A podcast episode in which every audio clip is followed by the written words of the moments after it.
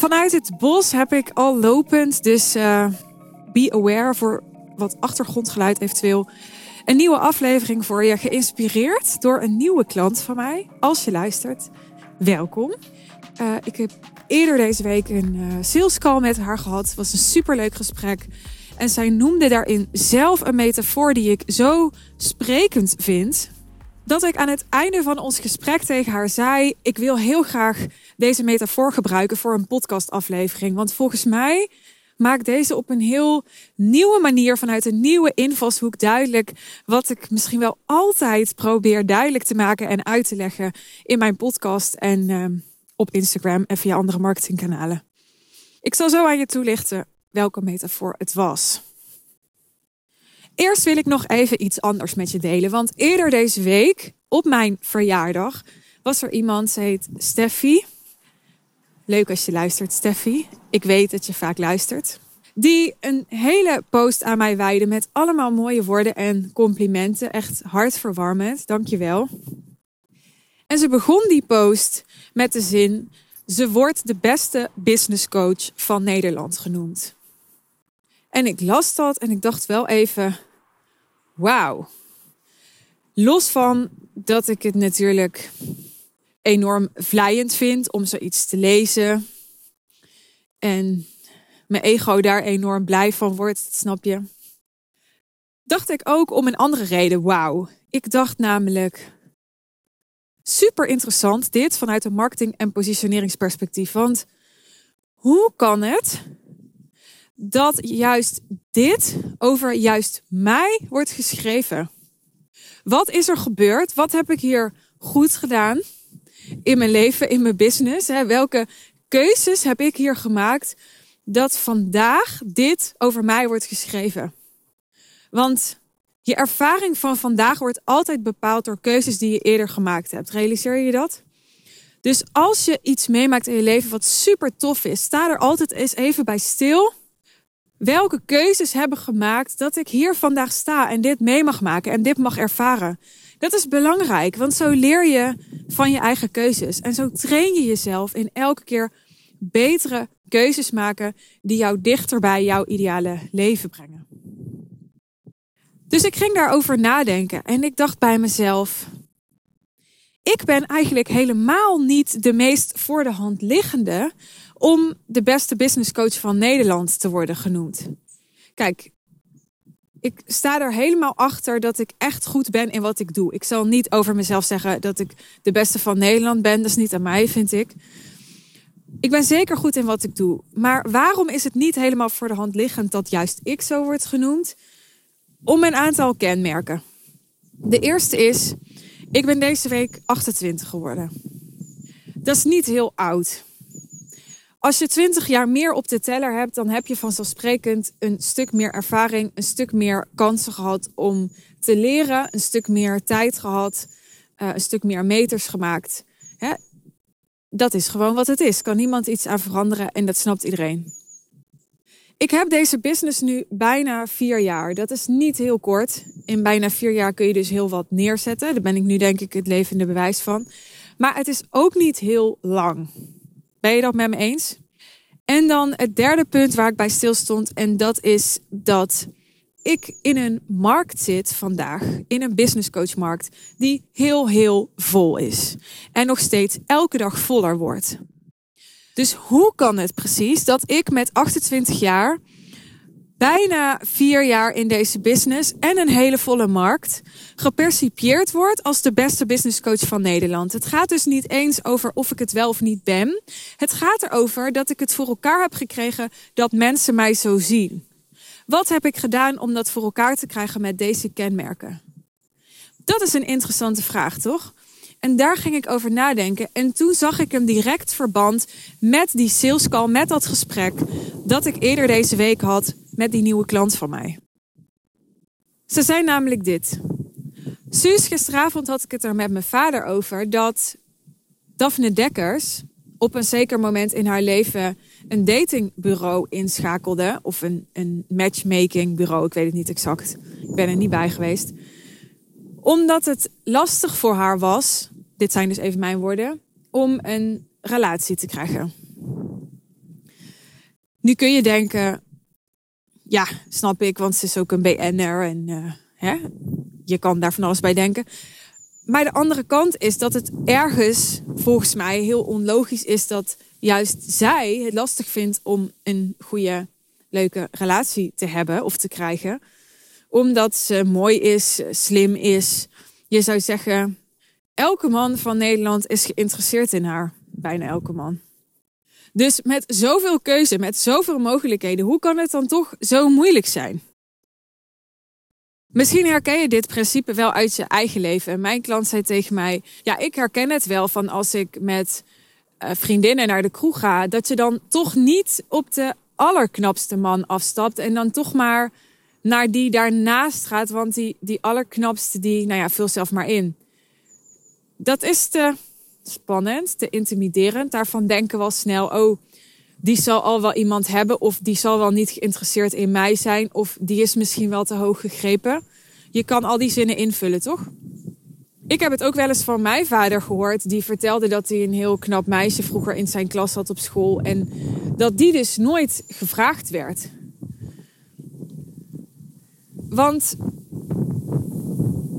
dat was te spannend voor jongens om haar te vragen de risico op afwijzing voelde juist bij haar het grootst. En dus gingen jongens hun vingers daar niet aan branden.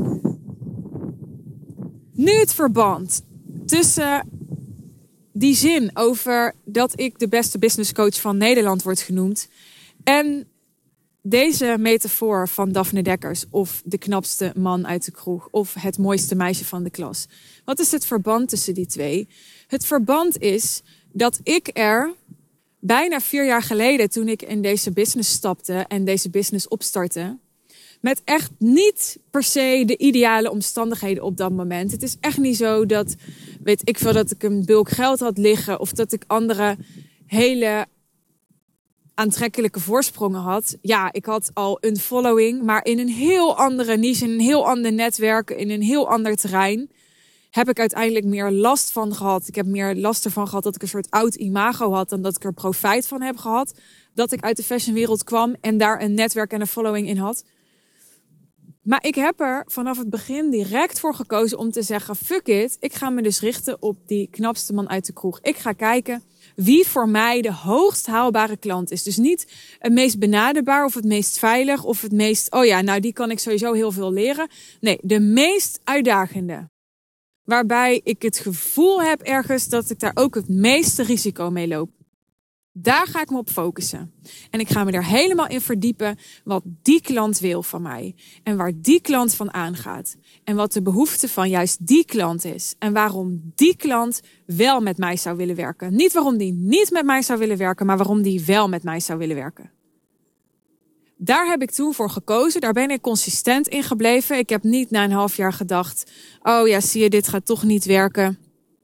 Ik ben, ook als het tegen zat, ook als het moeilijk was, ook als het niet stroomde, ook als het stroperig ging, elke keer hiermee doorgegaan. Omdat ik wist, het is gewoon een soort code die ik moet kraken. En dan komt er een moment en dan heb ik momentum. En dat is ook gebleken, zo is het ook gegaan.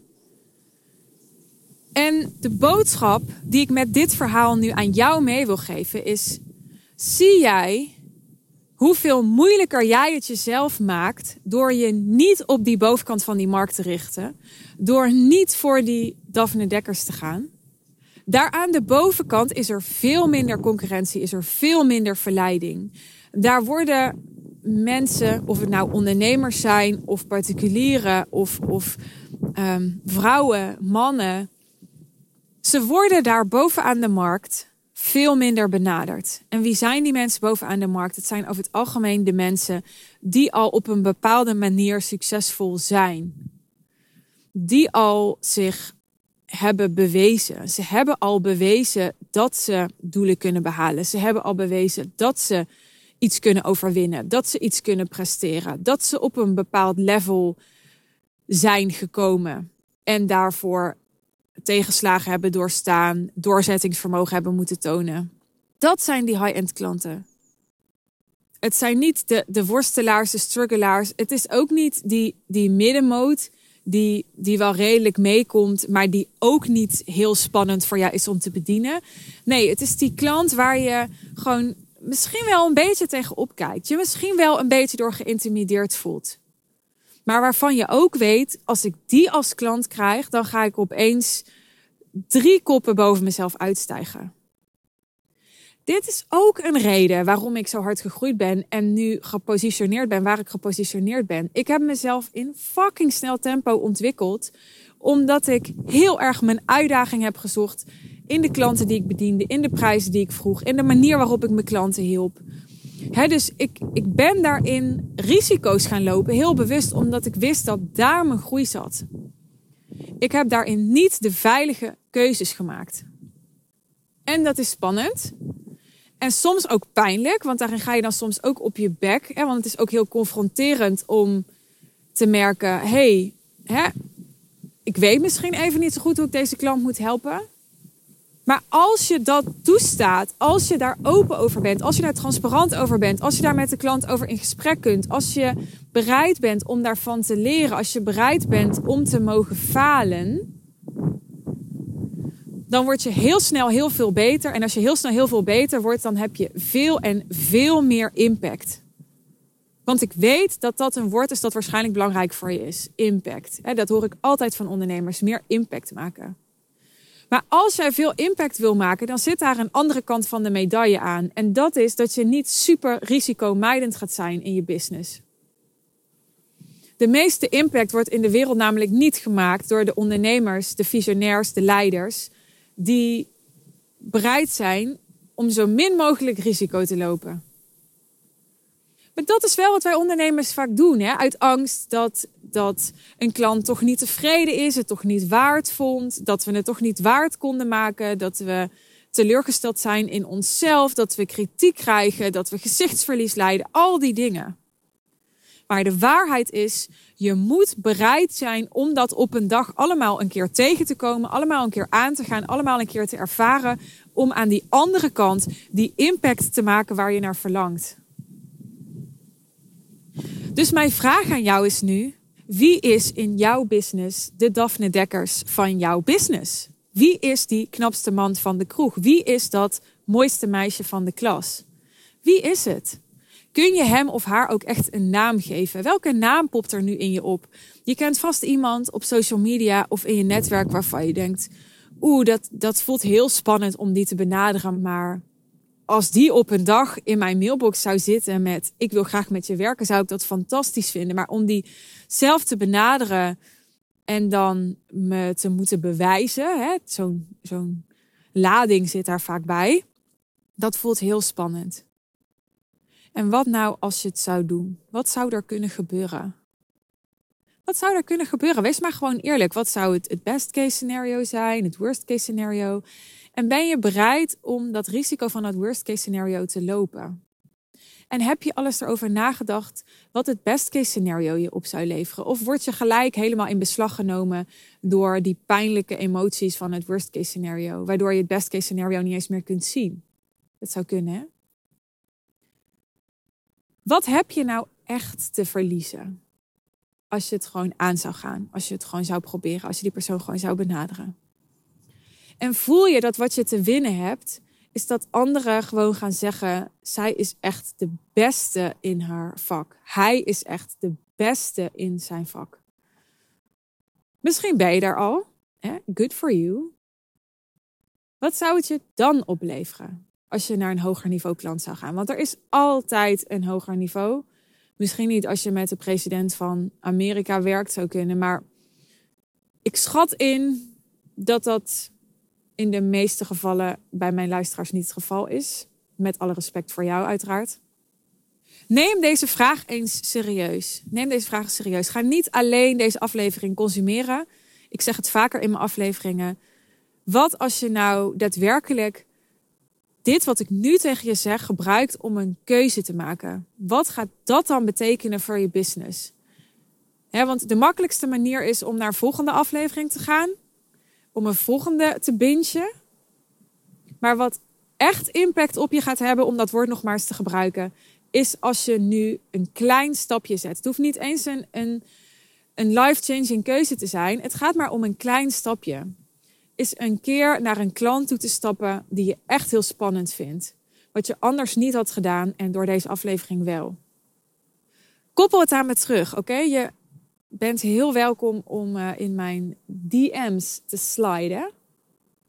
Ik ben heel benieuwd hoe het je afgaat en wat je gaat ervaren. Zeg je, Suus, dit was helpend, maar die fucking sterke positionering die jij nu hebt opgebouwd, die wil ik van jou persoonlijk leren. Ik wil met jou persoonlijk dat proces aangaan. Althans, ik wil jou aan mijn zijde terwijl ik persoonlijk dat proces aanga. Ik wil jouw begeleiding hierbij, jouw scherpe oog. Ik wil dat jij me catcht op mijn blinde vlekken. Dat kan.